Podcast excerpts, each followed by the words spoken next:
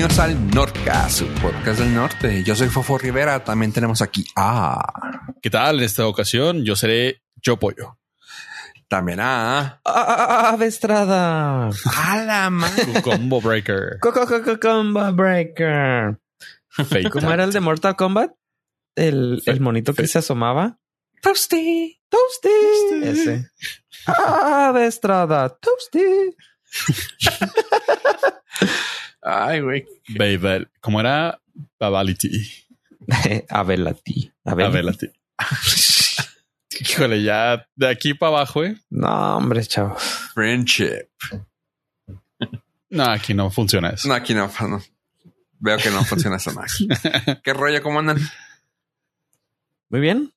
Muy bien. Este semana eh, pesada. Porque subí de peso. ¿Te creas? No. De aquí dijiste de aquí para abajo. Y tenía toda la razón. Una disculpa ¿Sí? para la gente. No, aquí somos sinceros. Así que. Pero lo pensaría cualquiera menos de ti, güey, así que sé que es mentira. Sí. Er- Eres la Anaí del grupo. Lana. porque me gustan los güeritos. Ok. Exacto. O Porque te ser- digo que te quedes en silencio. Cinco minutos. Cinco minutos. y acaríciame. Ok. o porque quiero que me salves del olvido. Me, me sorprende de grata manera que tengas tu conocimiento rebelde tan fresco. No, creo que sí hemos hablado aquí. O sea, rebe- rebelde es rebelde. Sí, marcó, te marcó. Sí. Te iba a decir, sí, te sí. tocó, pero también. No, o sea, me acuerdo, eh, trivia norcastera.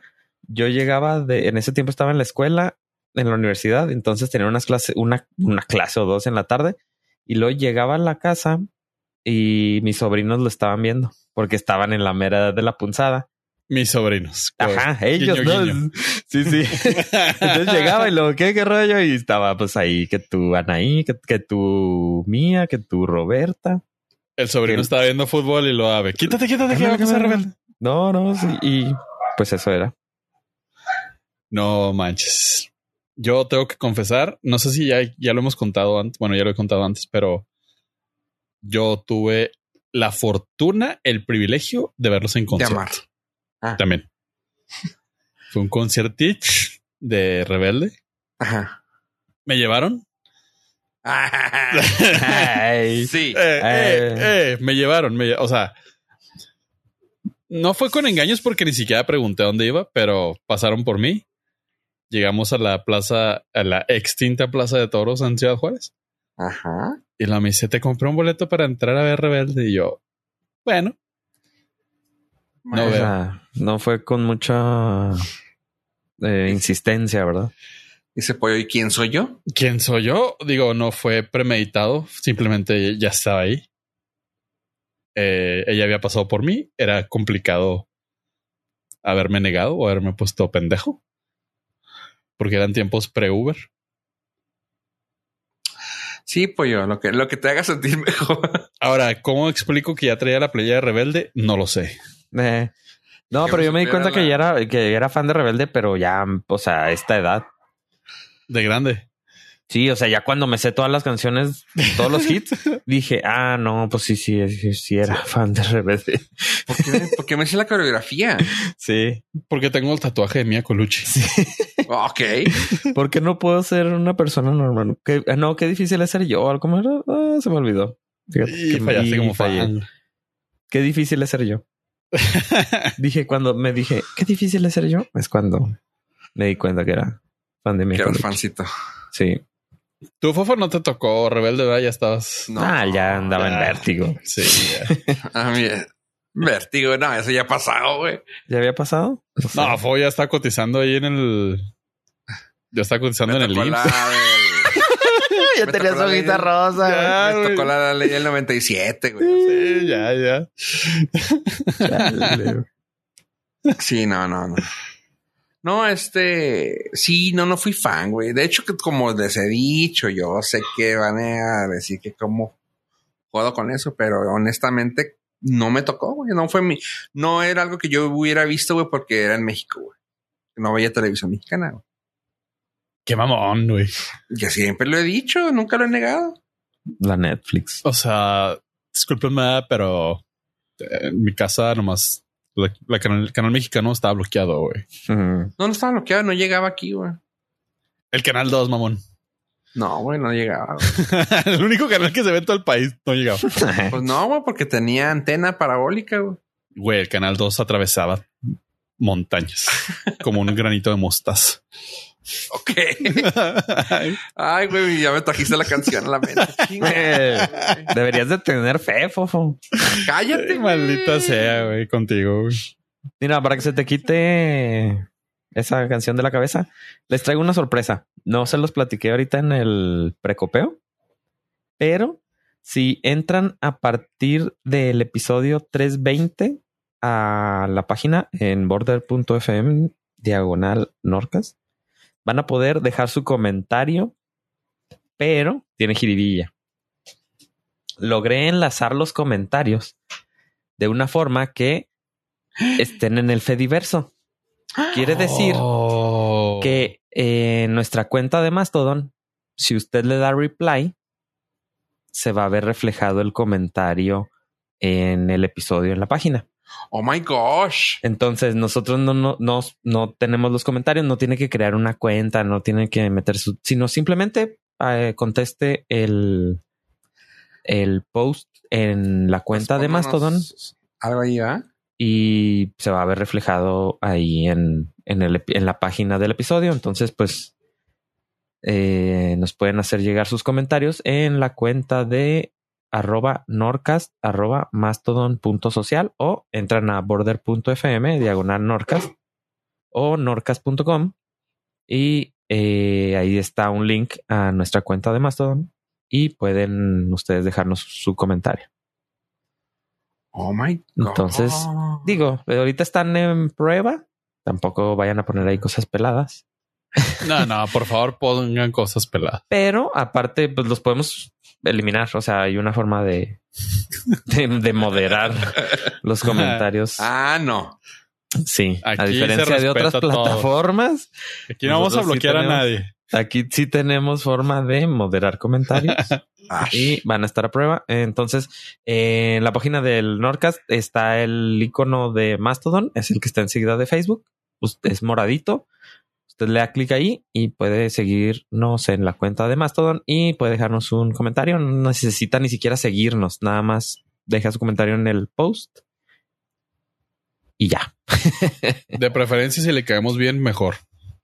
Sí, si le caemos mal, pues mándenos un correo a contacto Donde no se ve. Sí, o entre ahí en la en el enlace de contacto del- de la página de Border y seleccione Norcast y pues ahí nos puede decir todas las groserías que usted quiera o la clásica, arroba Gil Beltrán. en cualquier plataforma. Así es. Entonces, esa es la novedad de la semana. Que los comentarios están en el Fediverso. Digo, para estar a, a, ad hoc con lo que profesamos. Profeso, pues, la verdad. Aquí mis compañeros ¿no? son amos y maestros de, del señor Elon Musk. Y así, te- de hecho, te iba a comentar que lastimosamente tendremos que cambiar el pájaro por la X. ok. Eh, sí, aquí lo oye primero. Ah, sí. Sí. es cierto, ¿verdad? El icono. Sí. No me acordaba. Ah, eso es un momento triste en la historia, pero Sí, lo voy a guardar en mi corazón.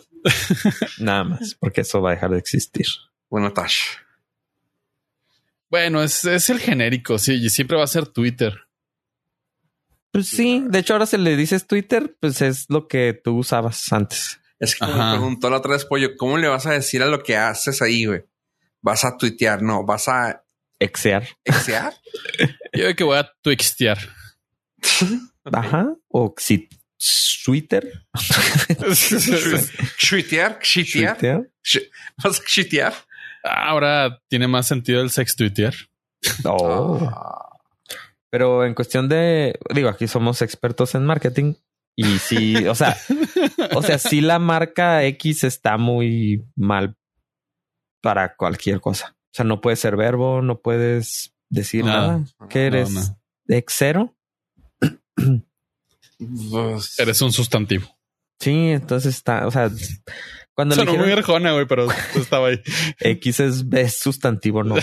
No es verbo. Cuando le dijeron a Elon Musk, no uses la X, está mejor usar PayPal o, o sea, el como nombre de marca. Tenían razón. Es que es una estupidez por donde lo veas, pero bueno, que no, nosotros no- claramente no tenemos 40 billones de dólares para tirarlos a la basura. Exactamente. Por eso nuestros comentarios están en el Fediverso, en más todo. No, incluso cualquier otra plataforma que pueda hacerle un comentario a Mastodon, que se pueda comunicar con Mastodon, con eso. Como el cielo azul, ¿verdad? Eh, Ah, no, ellos no son. No, ellos no. No son parte de Threads, en un futuro. eh, hay otra que se llama Pleroma, eh, Pixel Fed, a lo mejor. ah, Threads está tardando muchísimo en ponerse sí, al pedo. caray, sí. Está perdiendo el impulso inicial que tuvo y recuperar un momentum está cabrón. Sí. Hay estadísticas que demuestran que si la baja de usuarios está menos de la mitad. Tú, de- de- al momento que leí una nota, 70 millones de, de usuarios inactivos ya. Sí, de los 100 que Oh. pudieran tener, no, pues entonces Ajá. es el 70 más o menos. Arriba del Sí, o sea, 60. Es un chingo. Sí, caray. Todo el mundo tiene cuenta, pero ya nadie la usa. Eh, Y lastimosamente lo que significa eso es que regresaron a Twitter. sí. A ex Ah. Twixter. Twixter. Ah, Twixter me gusta. ah, Twixter. No. Twixter. Oye, qué bueno que no quiere comprar eh, YouTube, güey. Capaz de que le iba a poner X videos o algo así. Hay una cuenta de tweet que se llama Twitter Videos. que no se han atrevido a cambiarle el nombre. X videos. Tiene futuro. Suena que va a ser una, una página con, con buen tráfico. Sí le veo buen marketing a esa página. Educativa, yo creo. Va a ser. Sí, ahí se puede ver como cosas como, por ejemplo, peleas de box, cuando le ponen una golpiza a alguien. Oh, sí. Ahí salen primero, cosas así. Bueno, O fuera en los debates. Hay un debate del el Master Muñoz que le habían subido. Ah, Exactamente. Ah. Que califica perfectamente para estar en ese tipo de plataformas. Ahí sí la X sí funciona. Hubo un partido de México contra Chile, de donde hubo un marcador de 7 a 1. sí, es cierto, partidos de fútbol.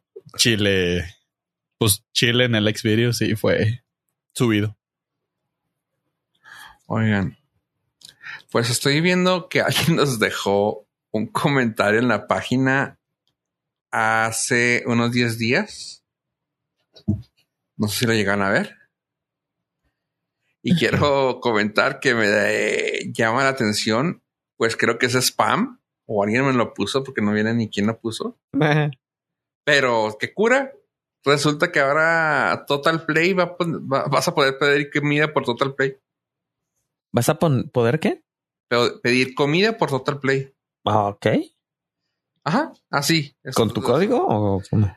No, no, no, no. O sea, a- así viene, güey.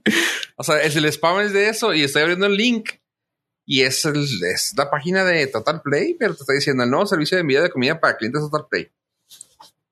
En la aplicación vas a abrirla y te va a salir así como que lugares que tienen comida para que no te sal- tengas que salir. Así que si es un fin de semanita a gusto, pues, qué pex, qué cura, güey. O sea, qué random, güey. Así como HBO te va a enviar palomitas a tu casa. Güey, what the fuck? Bueno, no sé que eras un purista de las palomitas. What? Ok. Yo sí la recibo con mucho gusto de parte de Total Play. Es más, si quiere promocionarse, como lo hizo sutilmente en este, en este episodio, Sí. Ya le salió, ya, ya, ya vamos a cobrarle ese Total Play. Gracias por eso. digo, fue totalmente tu voluntad Sí, yo lo, yo lo leí porque me llamó la atención, pero está bien. hacer, hacerles publicidad, pero está bien. Está bien. Ahí espero mi, mi giga de velocidad. Ah, No, pues una comidita, ¿no? Mi mínimo. Ay.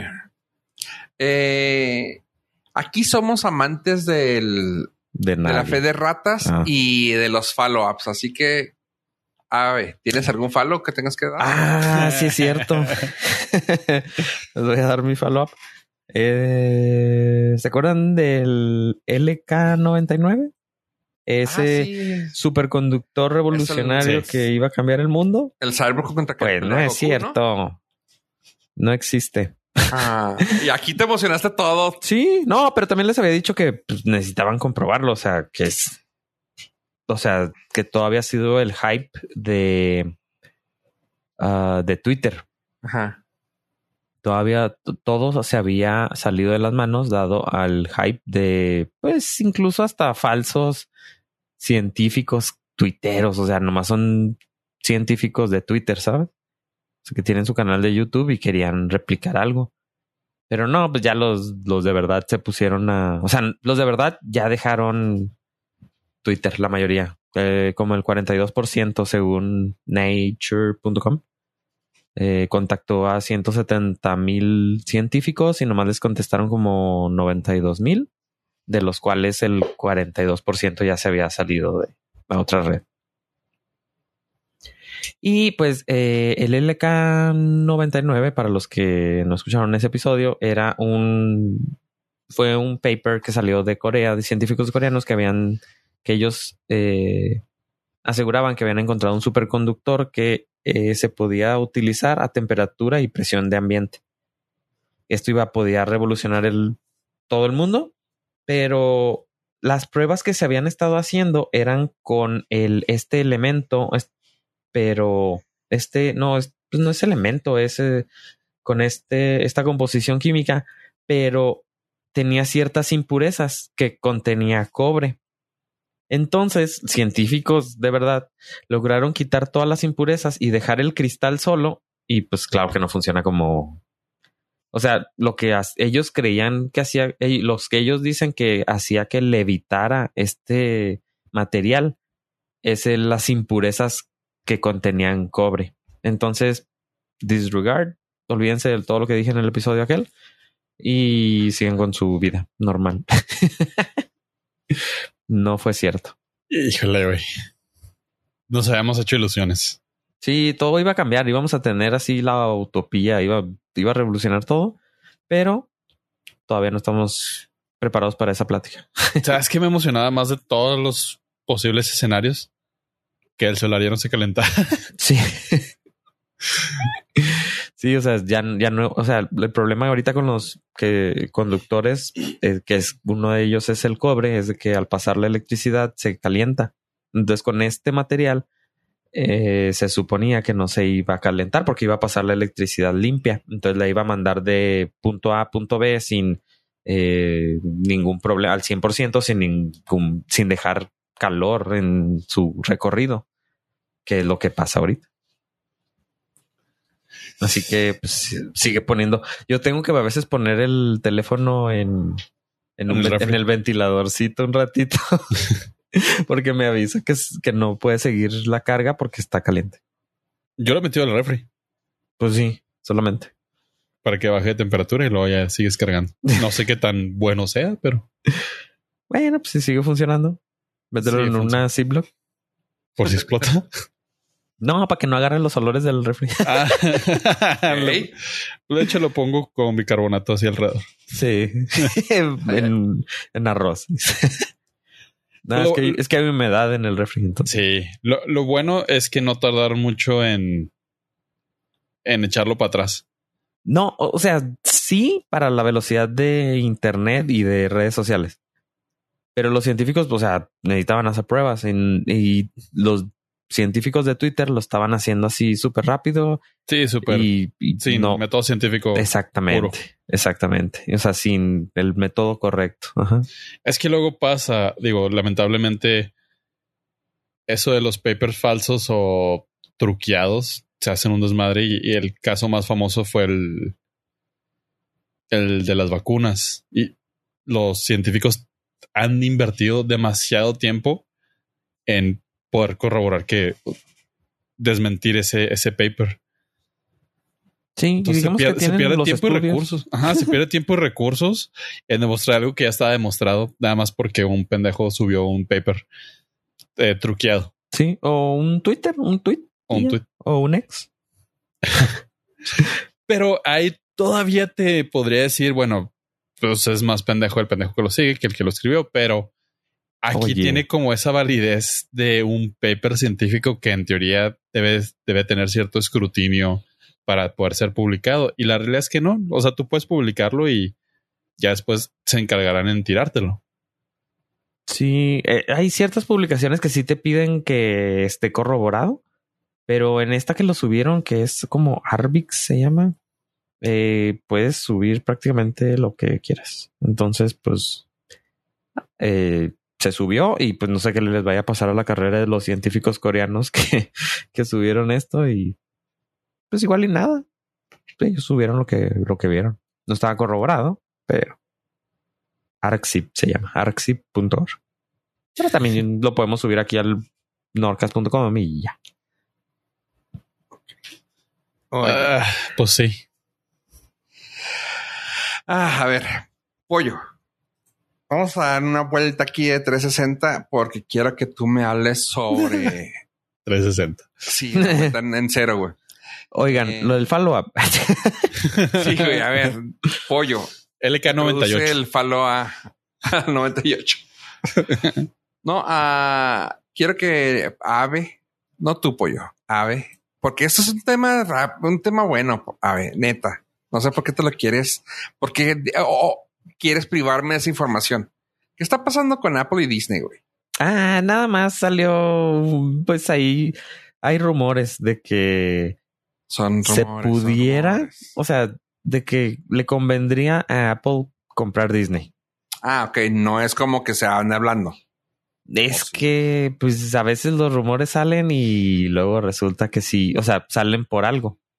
Pero pues es el rumor de que a Apple le conviene, tiene el dinero, tiene como 62 mil millones de dólares en cash, así para aventárselos en la cara a Disney.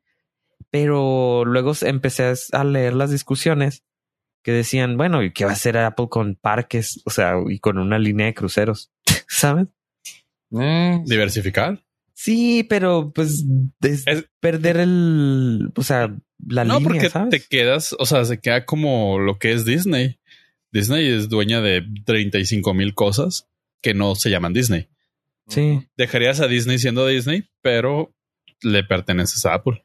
sí, lo que lo que dicen es de que a lo mejor Disney no se vende, no vendería la parte de entretenimiento porque no le conviene, entonces vendería todo el paquete junto, pero a Apple le conviene el paquete de entretenimiento, porque ahora en su reporte de ganancias lo que en lo que más le deja son sus servicios, que uno de sus servicios es Apple TV Plus. Curiosamente. Mm. Entonces se dicen, pues es que podría ser la mancuerna ideal, pero también Apple no hace compras de ese tipo. Lo que hace Apple es que compra empresas pequeñas, muchas, pero pequeñas, no una grande, porque pues es o sea, se mantiene más bajo en el radar. Por ejemplo, compró una empresa que hacía procesadores y luego cinco años después sacan su procesador ellos o hace tiempo compró una empresa que hacía modems de teléfono.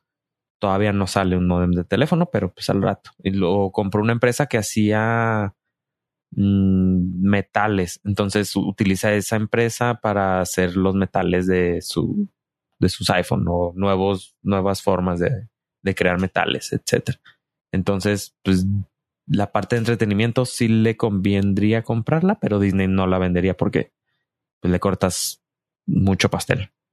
Mm. Pero ustedes cómo verían un matrimonio como esos? Pollo dice que sí. Yo creo que padre. sí, es que yo creo que son las dos empresas perfectas para unirse. Apple cuida todo así que sea bonito y le- no sé, sin tanto problema, sin tanto drama, sin tanto políticamente incorrecto. Y Disney está así diseñado de esa manera. Sí, o sea, culturalmente sí hacen match. Sí, o sea, es- los dos son helados de vainilla y nada más dos pegares. sí. Aquí es. No, ¿qué? Este, pero, o sea, sí le vería mucho futuro si Apple se hiciera dueña de Disney. Sí, o sea, estaba viendo unos datos curiosos de Disney que solo tiene como cuatro. Disneyland en Los Ángeles solo tiene cuatro conserjes para el baño. Porque, o sea, se dedican nada más a limpiar los baños. Porque todo el cast tiene que ser responsable de basura. Simón. y luego que siempre se la pasan pintando. O sea, en la noche pintan cualquier cosa que se vea. Entonces sí es muy tipo Applesco. Así de, ese tipo de detalles. cultura de limpieza. Ajá. Pero, pues, quién sabe, en una de esas. Quién sabe. Ok, gracias por la data, porque así me tenía con pendientillo. Yo, yo sí le daría, sí, sí, sí lo, sí lo vería muy chingón. Y creo que Apple le podría meter mucha tecnología a los parques. Pues el área de Imagineering es, tremenda, la de los ingenieros, de los, o sea, no de parques, sino de en cuestión de tecnología, de Research and Development, está cañona. Fue lo que los que crearon mucha tecnología que ahora utilizamos así bien, bien sencilla. Pero la, una de las más recientes es el, el robot. Pues sí, es un robot que, que hace las piruetas en el aire vestido de Spider-Man para no poner este, personas en riesgo. Y me, ha, me ha tocado verlo y sí, o sea, sí está impresionante. O sea, se brinca entre techos de edificios y pues sí parece un humano. ah, perro, me ha tocado verlo. Sí, sí, me ha tocado. Entonces sí está chido. Y pues mucha tecnología que está en los parques, por ejemplo, la pues todos los animatronics. Ándale, animatronics era el nombre, no robot. los, los animatronics y tecnología, este, pues para el streaming y cositas eh, que utilizan ellos mismos en los parques salen de ahí mismo, de su equipo de ingeniería. Entonces, pues sí, sí le meterían mucha, mucha tecnología más.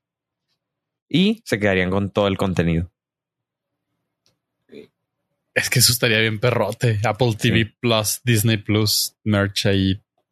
Oh. Sí, estaría muy perrón. No, yo creo que lo dejarían como los bits, ¿no? Ah, ah, que es la compra más grande que ha hecho Simón. Que son como 5 mil millones. Les costó. O 4 mil millones, una cosa así. Una compañía chiquita. Sí. Es la que más les ha costado y pues se mantiene al margen porque incluso los eh, audífonos Beats funcionan en Android y tienen USB-C. O sea, no se rigen al 100% por, por Apple, como si son medio independientes. Y cabe recordar que a Disney, antes de la llegada de Bob, Iger, la primera vez, cuando era buena onda, eh, estuvo a punto de ser vendida a Comcast. Ok. Nada más que llegó Bob y lo rescató y no tuvieron la necesidad. Pero Disney no es, o sea, a pesar de ser el monstruo que vemos, ya ha estado dos o tres veces cerca de, de, de venderse. Lo cual. Pues, es pues, que con dinero. Eh, sí, es que ese es el pedo. O sea, no, como dices, no, no hay saciedad. Los shareholders son insaciables, los desgraciados. Pues lo que le pasó a Toys R Us. La hicieron quebrar para. Para pagarle a los, a los shareholders. O sea, no importa que se pierda todo mientras nos pagues. La mesa de Twitter la vendieron porque el precio era impresionante, no iban a conseguir un mejor comprador. Y les valió gorro la empresa, o sea, la vendieron, Ay, quédense con ella. Dude, es que también tiraron el bluff y los, o sea, dijeron, ¿qué? ¿Nos estás ofreciendo un sobreprecio por un pinche chiste de 420? Perfecto. Vente para acá. Ajá, o sea, incluso a demanda iban a llevárselo, pero y, si no quería comprarlo, de todas maneras tenía que pagar un billón de dólares, mil millones de dólares. Y le iban a vender. Ajá, aparte. Así que mientras haya dinero, está la posibilidad. Sucio cochino dinero. Sale. Ok. Oye, perdón que les interrumpa, pero quiero saber qué está pasando ahorita en México o por qué hay un mexicano en, tu mente ahorita? Porque estás pensando en un mexicano, güey. ¿Acaso se le antojan unos chicken ah, no creo. Y rip a los chavitos esos. Sí, está muy triste. Perdió 5 millones de followers en Instagram. Cancelaciones de conciertos y todo, pero bueno. ¿Quién soy yo para, para defenderlos y o atacarlos? Nadie. Ah, está muy ambiguo que digas que estoy pensando en un mexicano porque estoy pensando en más de un mexicano. Pero en este caso vamos a centrarnos en el mexicano que salió del planeta Tierra. El que lo logró. El desgraciado hijo de P que lo logró. Ok. La historia de José Hernández, nuestro único. Híjole, aquí ya salió una chica a un vuelo suborbital con Blue Origin y está muy chido y todo. Se reconoce, se aplaude, pero eso es ser un pasajero en una montaña rusa muy grandota. Porque sube, llega a la subórbita y cae. José Hernández en realidad salió del planeta Tierra, abandonó la línea Karaman, que son 100 kilómetros, y llegó a trabajar a la Estación Espacial Internacional. Y la neta sí está bien chingón. Y ahora Amazon Prime nos va a deleitar con lo que viene siendo su película, interpretada por nada más que nuestro homeboy, Michael Peña, el verdadero héroe de toda la franquicia de Avengers. Debió haber estado ahí. Avengers Endgame, todo el mundo lo, lo pedimos. Necesitaba un recap por el personaje Michael Peña. No nos escucharon. Les valió madre, pero no hay problema. Ahora tiene su redención. Va a tener su película autobiográfica de José Hernández, el ingeniero astronauta que logró llegar al espacio. Y la neta sí está muy chida lo, lo que... Bueno, la historia de este güey es muy interesante. Es literal un dreamer que llegó a trabajar al, al campo de, de inmigrante y de literal le chingó toda la vida hasta conquistar el espacio. Es una película que va a estar a partir del 15 de septiembre en Amazon Prime Video. Y haciéndole al fofo, eh, va a estar dirigida por Alejandra Márquez Abella, quizás mejor conocida por Las Niñas Bien, que no es lo mismo que Las Niñas Mal. la, es, es la de Lomecán, ¿no? Exactamente. y también eh, dirigió varios eh, episodios de Narcos México. Entonces, okay. entre otras grandes cosas, lo cual garantiza que va a estar, va a ser una muy buena película. El, el trailer lo pueden encontrar ya en internet o en Amazon Prime Video y pinta a que va a ser cuando menos inspiracional y pues muy mexicana. 15 de septiembre, casual, la inauguración, el estreno. ¿Podrías repetir el nombre del... ¿Del astronauta? Sí, no, de la peli. Ah, la película se llama A Million Miles, A Million Miles Away. Sí. Un millón de millas lejos, afuera. Batalla para. Lejos, un millón de millas. Inspirada en la historia de José Hernández, el primer astronauta de origen mexicano. Nice. Ok. Está, está muy parota, ¿eh? Sí, sí recomiendo, si tienen chancecita, póngansela a toda la familia. 100% familiar. Como yo, como yo. Y Michael Peña, güey. Michael Peña es tesoro nacional, güey. Sí, no tiene pierde, ¿va? Sí, güey. Lo veo no. y me da risa, no sé por qué, pero... o sea, como que me inspira así de que, ah, va a estar chido. E, Es como ese... O sea, es, es seguro, güey. Lo ves y dices, la movie no va a estar mala. Sí, es como el cochiloco. Aunque sea mala, está chida. Aunque sea mala, su, su parte va a estar chingón. Ajá. Y este, pues está chida porque es literal, es el protagónico. Entonces también por Michael Peña me da mucho gusto. Sí, sí está chido. Oye, eh, algo que quiero platicar ahorita que estábamos hablando de las redes sociales, nomás quiero comentarte. Me acordé de que el señor Musk tuvo una tontería que le salió esta semana, entre tantas, pero una que salió y que se hizo famosa en, en la internet es el hecho de que el güey había dicho que iba a quitar el botón de de bloquear. No sé si escucharon eso. Eh, sí.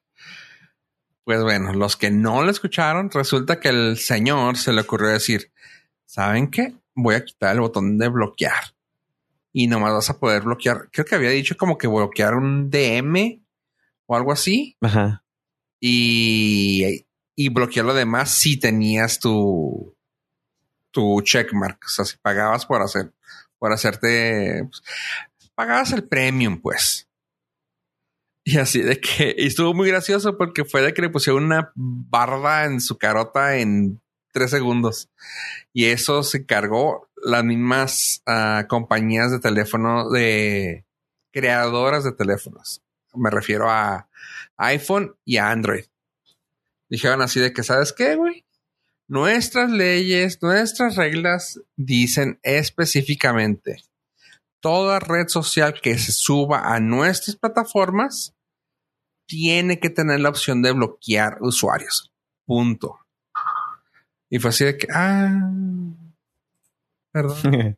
o sea, fue bien padre porque sí hizo mucho ruido y se lo mataban así de que, ¡pum!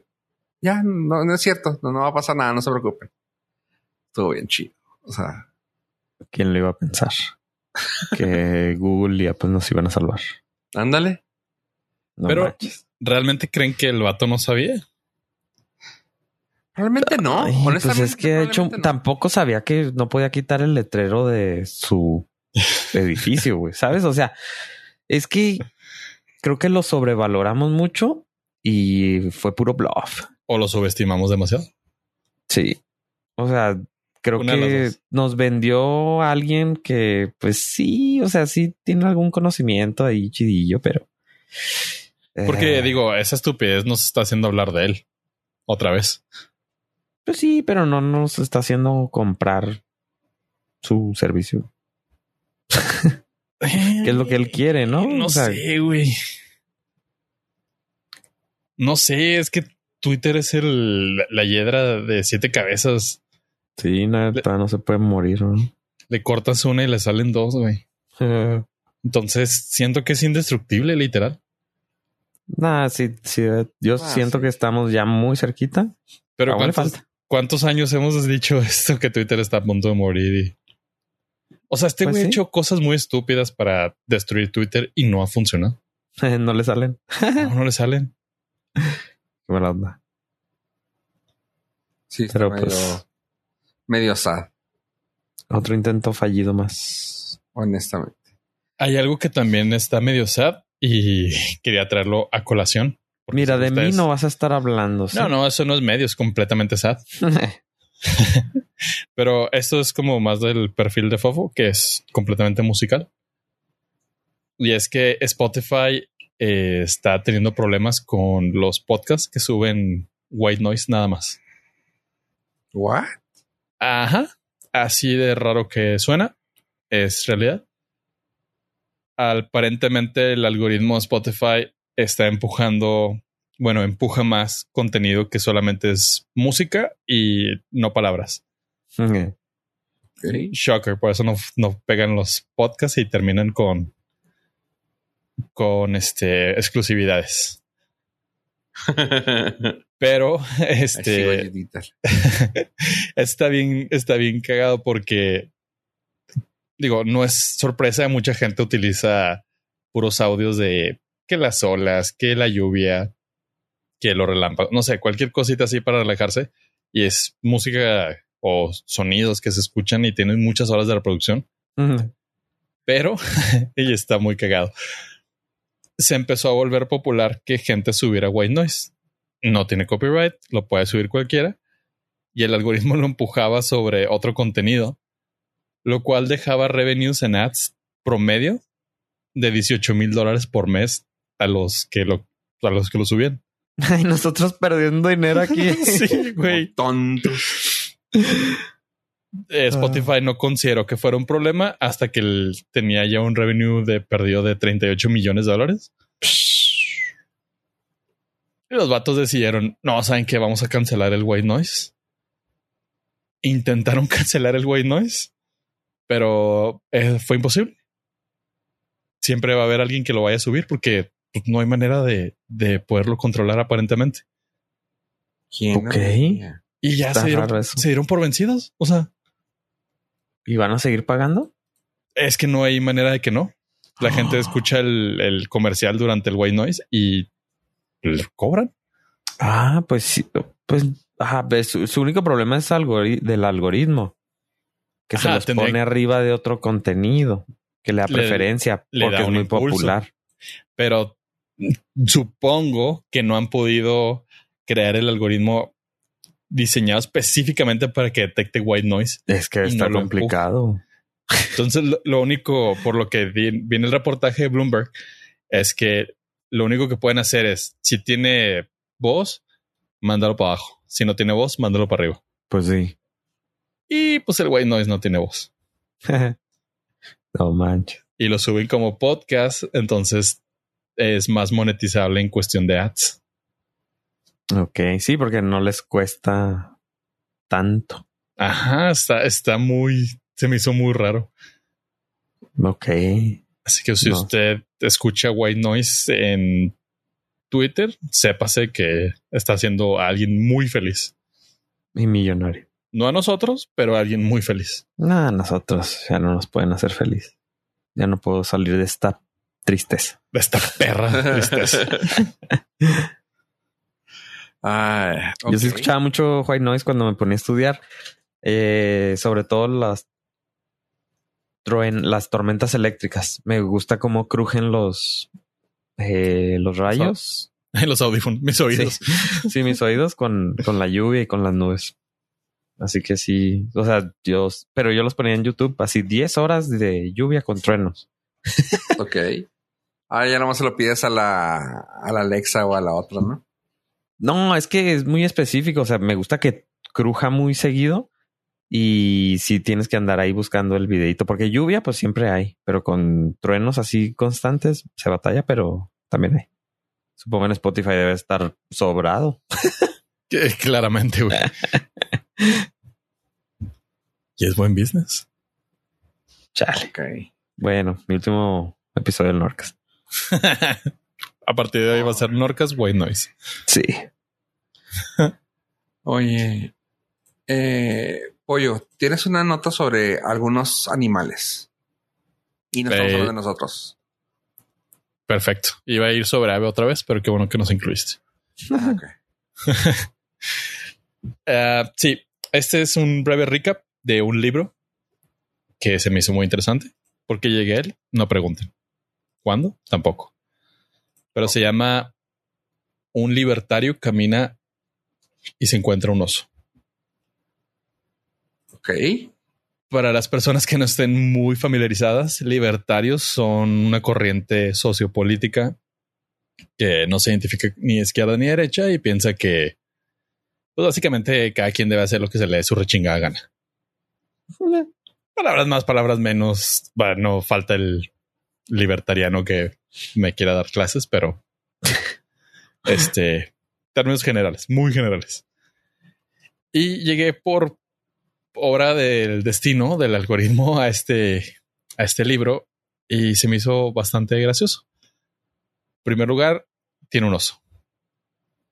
Se- se- Así de básico soy. Yo creo que el algoritmo lo sabe. Pero está muy chida. Eh, Narra como un pueblito eh, en un lugar rural de Estados Unidos que no vale ni siquiera la pena este, buscar dónde, porque ya desapareció. Ah, se volvió parte de un proyecto por un grupo de libertarios que querían vivir libremente. Entonces el pueblito quedó medio abandonado. Un grupo de 200 personas van y habitan el pueblito y deciden autorregularse como un gobierno libertario. Bueno, no un gobierno, un sistema de democrático libertario de donde ellos- sociedad Ajá. libertaria, ¿no? Sí, donde ellos se pusieran sus propias reglas, hicieran sus propias leyes, hicieran, o sea, su pequeña comunidad burbuja. Todo está chido, ¿no? Ok. Cada quien su desmadrito. ¿Con drogas y mujerzuelas? Sí. de Probablemente. parte de ser libertario es que cada quien eh, tiene la libertad de meterse lo que quiera. y con quien quiera. Ah, el proyecto se llamaba Freetown Project y lo querían escalar a Free State Project. Cosas que, spoiler alert, no funcionaron. los vatos decidieron que los impuestos eran muy altos, entonces recortaron hasta el 90% de los impuestos para dejar nada más gastos esenciales en sus palabras, por los cuales en cuestión de meses las carreteras se desmadraron, eh, los servicios de policías no existían, los servicios de emergencia tampoco. Digo, tú sabes, cosas sencillas. ¿Qué cosa rara en Juárez si pagamos impuestos y las carreteras también se desmadran solas? Pero bueno. Somos libertarios aquí. Somos libertarios. Ah, el pueblito se empezó como poco a poco a desmadrar socialmente porque, pues, como libertarios no existen reglas ni consecuencias. Entonces, tú podías, literal, podías eh, desafiar a duelo a alguien y matar. es una estupidez, yo sé, pero ah, me empieza a gustar esta idea. Ah, obviamente nada era ilegal, ni prostitución, ni drogas, ni nada por el estilo. Tampoco cosas más heavies como cierto tipo de comidas que venía de cierto tipo de animales. Tampoco era ilegal. Y se empezaba a poner raro. Pero bueno, ellos vivían en su burbuja, todo funcionaba bien. ¿Qué chingados tiene que ver el pinche oso? Ahí va ellos viven, están en pues, una pequeña comunidad que está a las faldas de, del bosque, una montaña, probablemente de muchos osos. Y casualmente una de las partes que ejercía el gobierno anterior era protección de osos.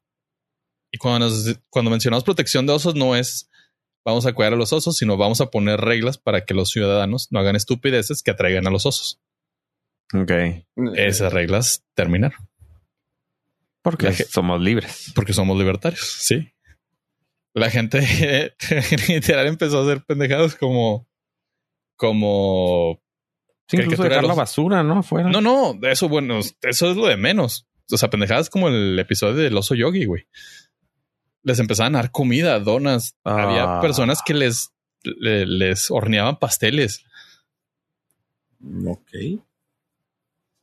Y lo que se demostró, que ellos sirvieron como un experimento para nature.com, es que los osos empezaron a tener una evolución medio psicópata. Ok. Y se empezaron a volver adictos al azúcar, violentos, empezaron a engordar, a tener ciertas enfermedades, dejaron de hibernar por comer. Por comer comida chatarra y, y altamente procesada en azúcares. el pedo humanos. Ajá, el pedo de los osos se volvió tan invasivo y tan peligroso que decidieron nuestro desmadre de nuestra utopía libertaria. No, o sea, no había pedo que pudiéramos hacer todo y no funcionara. Pero ya cuando empezaron a ver que los osos literal estaban atacando personas y no podían hacer nada, porque ellos creían que era libertad que un oso te atacara al vecino, y, ah, pues no es mi pedo. Estúpidamente empezaron a darse cuenta que dijeron, no, sabes que sí, necesitamos que el gobierno entre. Necesitamos que el gobierno... Como que necesitamos ciertas reglas. Reglas. Para evitarnos ciertos problemas que... ¿Quién sabe? Es que antes no había esos problemas. No sé por qué nos llegaron a nosotros ahora.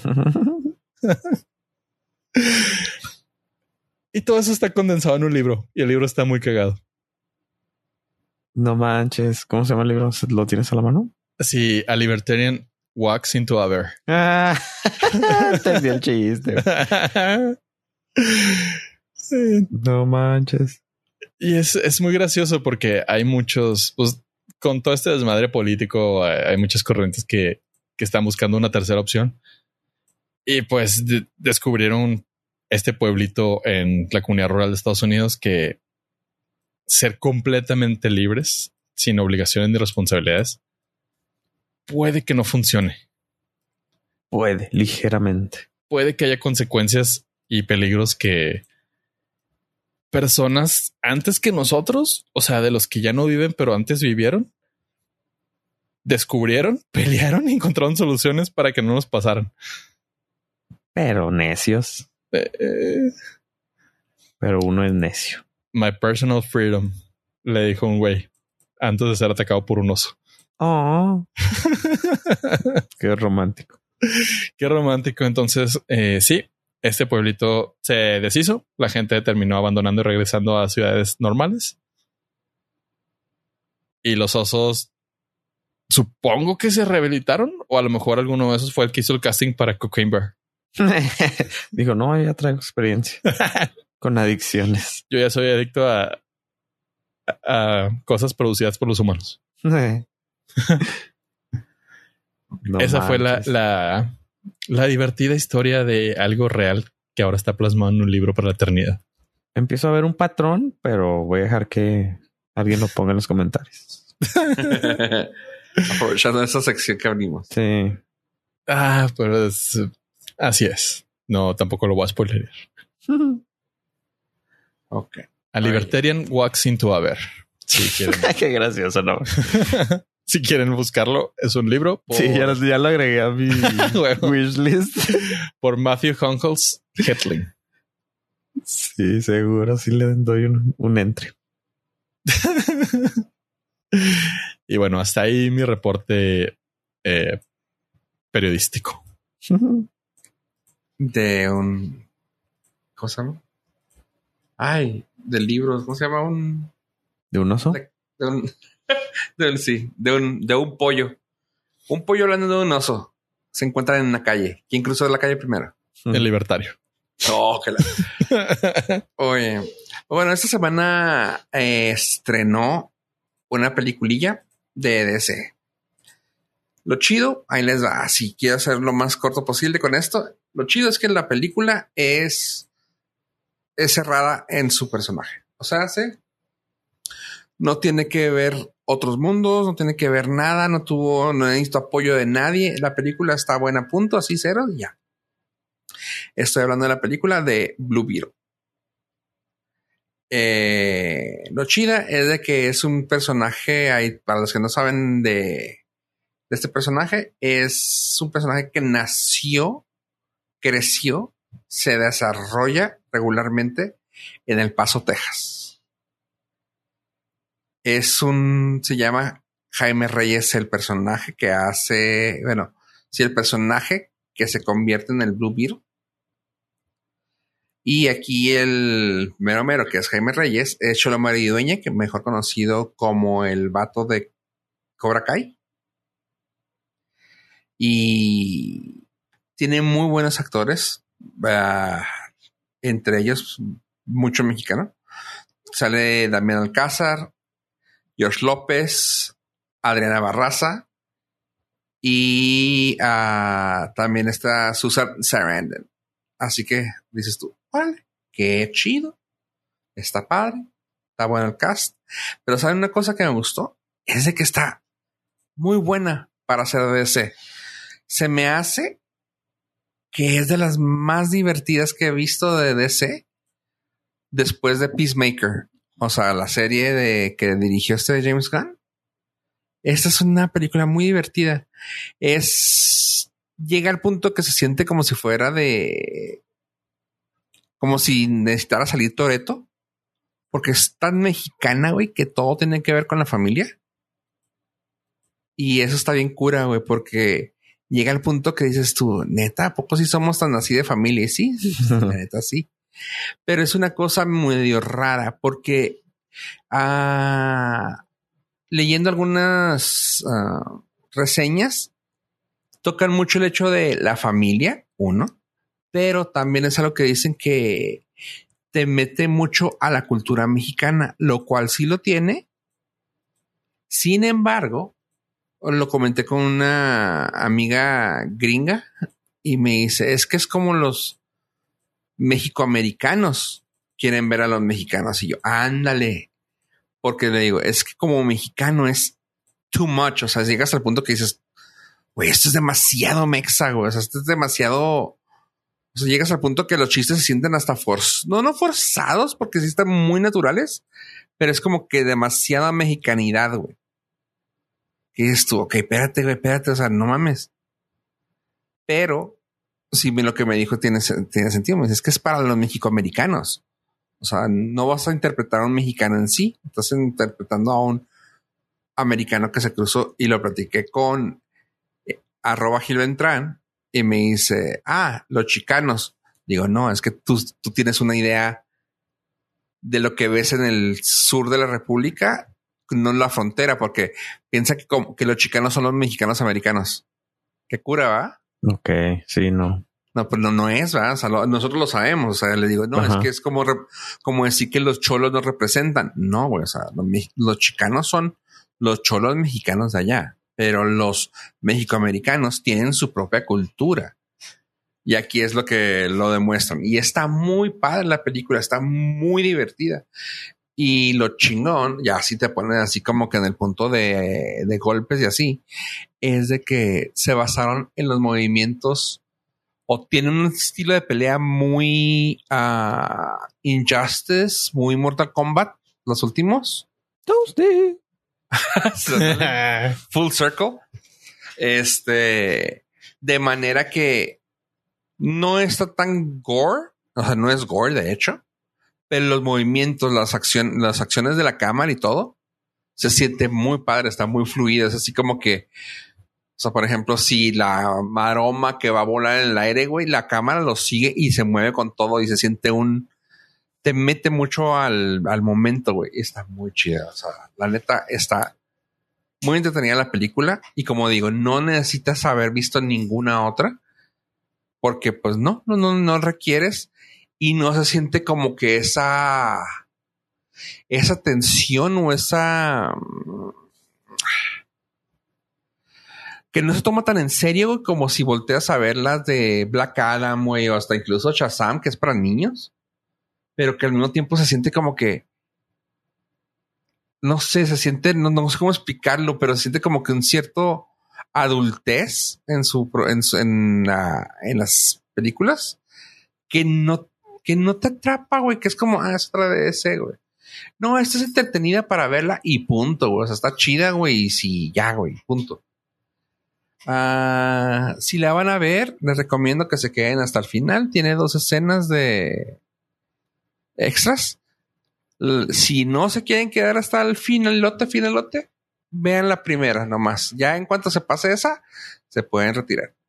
La segunda es algo lo más cómico, pero la primera es algo que podría ser el futuro, si es que James Gunn lo permite, de lo que viene. Así que está buena, honestamente, para ser DC, me gustó mucho. Tiene 6.9 en IMDB, 77 de los expertos y 91 de audiencia.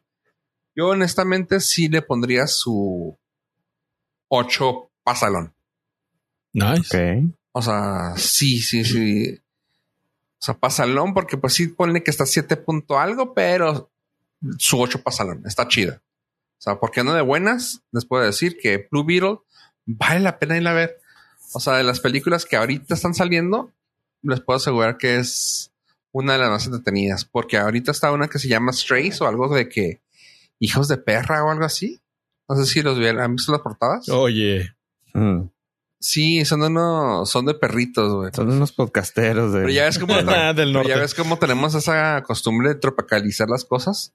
Strays son como callejeros, pero los tradujeron a hijos de perro y pues son dos perritos.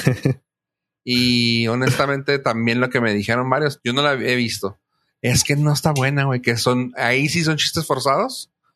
Y me dijeron que también ya vieron la de Blue Beetle y dicen, no, o sea, un mundo de diferencia. En esa sí te diviertes y en la otra no. Así que pues tómenlo como gusten, pero yo les puedo recomendar que si quieren ver algo así nomás para divertirse, vayan a ver Beetle. No tienen que gustar los superhéroes, güey. Es una cosa que no es para disfrutar, güey. Vale a ver, punto. Así. Y pues, nice. Ajá, y está chida porque te digo, los sabes que los chistes son, no son tan forzados, son mexicanos, güey. Este, tienen cosas suaves, güey, y hasta si andas medio sensible te puede hacer llorar, güey. Está chida. Está bonita. Estaba viendo que el director es puertorriqueño Así es. y pero algo que leí que se me hizo chida durante el, tal, la pequeñísima publicidad que le están haciendo, porque sí está sufriendo de eso, es que el vato es súper fan de Guillermo del Toro. Sí. Sí, no, me, me mama la cultura mexicana, me mama Guillermo el Toro. Dice, es uno de mis ídolos.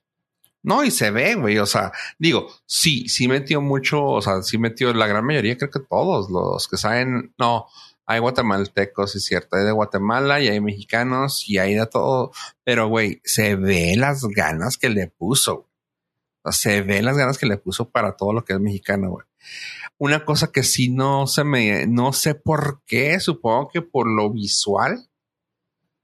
El güey es de El Paso, Texas, y cuando ves en caricaturas y en cómics, se ve todo bien plano, güey. O sea, se ve como un desierto, como lo es El Paso, y alcanzas a ver así a lo lejos edificios altos, como es El Paso, Texas, que en el centro y en aquella parte de la ciudad hay uno que otro edificio alto. Acá no, acá lo hicieron, le llamaron, le cambiaron la- el nombre de la ciudad y le pusieron Ciudad Palmera. No sé si no les dio permiso Texas, güey. No sé. El, el director lo, lo platica en algunas entrevistas donde dice así como de que, ah, pues quise que fuera más grande que todo, que el mundo. O sea, trató de justificarlo, pero yo digo que va más que nada por el permiso. Ah, y al final se volvió una metrópolis con, con gente mexicana, güey. O sea, había sus suburbios, güey, que eran casas así totalmente. mm, el paso, a- al- sí, como casas tipo mexicanizadas, ish, algo así. Pero así, de edificios super futuristas. Utilizaron a el Hotel Plaza para que saliera nomás ahí poquito. Ahí en la calle donde viven se llama el Paso Drive. Ajá. eh, van manejando y en la camioneta, como buena camioneta o como buen carro de mexicano, güey, con una camiseta. Y la camiseta era el sol y decía el paso abajo, que es un, ah, que es un diseño de una tienda de aquí del Paso, Texas. Así que estaba bien chido. Y se me hizo saber eso, pero sí hay muchas cosas como que dicen, eh, aquí estamos, eh, pero eh, hubiera estado más chida que si hubiera sido el paso. Lamentablemente no tuvieron permisos. Bueno, Chale. sí le voy a dar chance cuando salga en redes. Sí, está chido, me te va a gustar. Y fíjate, algo que también me di cuenta es que también, no sé en quién hayan tenido de asesor musical, pero está chido, o sea, tiene muy buen, o sea, el soundtrack sí es de que, ah, cabrón, o sea, le salió cara. Desde Vicente Fernández hasta Gran Silencio. En más, güey, así te la pongo. Ah, ah, termina con una toma de dron. Así que, se, que empieza desde el suelo hasta, hasta la que se levanta, güey. Y luego ya nomás pone el logotipo de Blue Beetle con una canción de ah, Cerati, güey. Ok.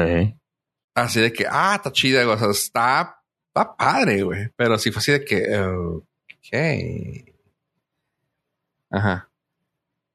Sí está, te digo, sí está chidilla, güey. Así que sí, sí la recomiendo. Sí le echaron ganas. Ah, eh, eh, eh.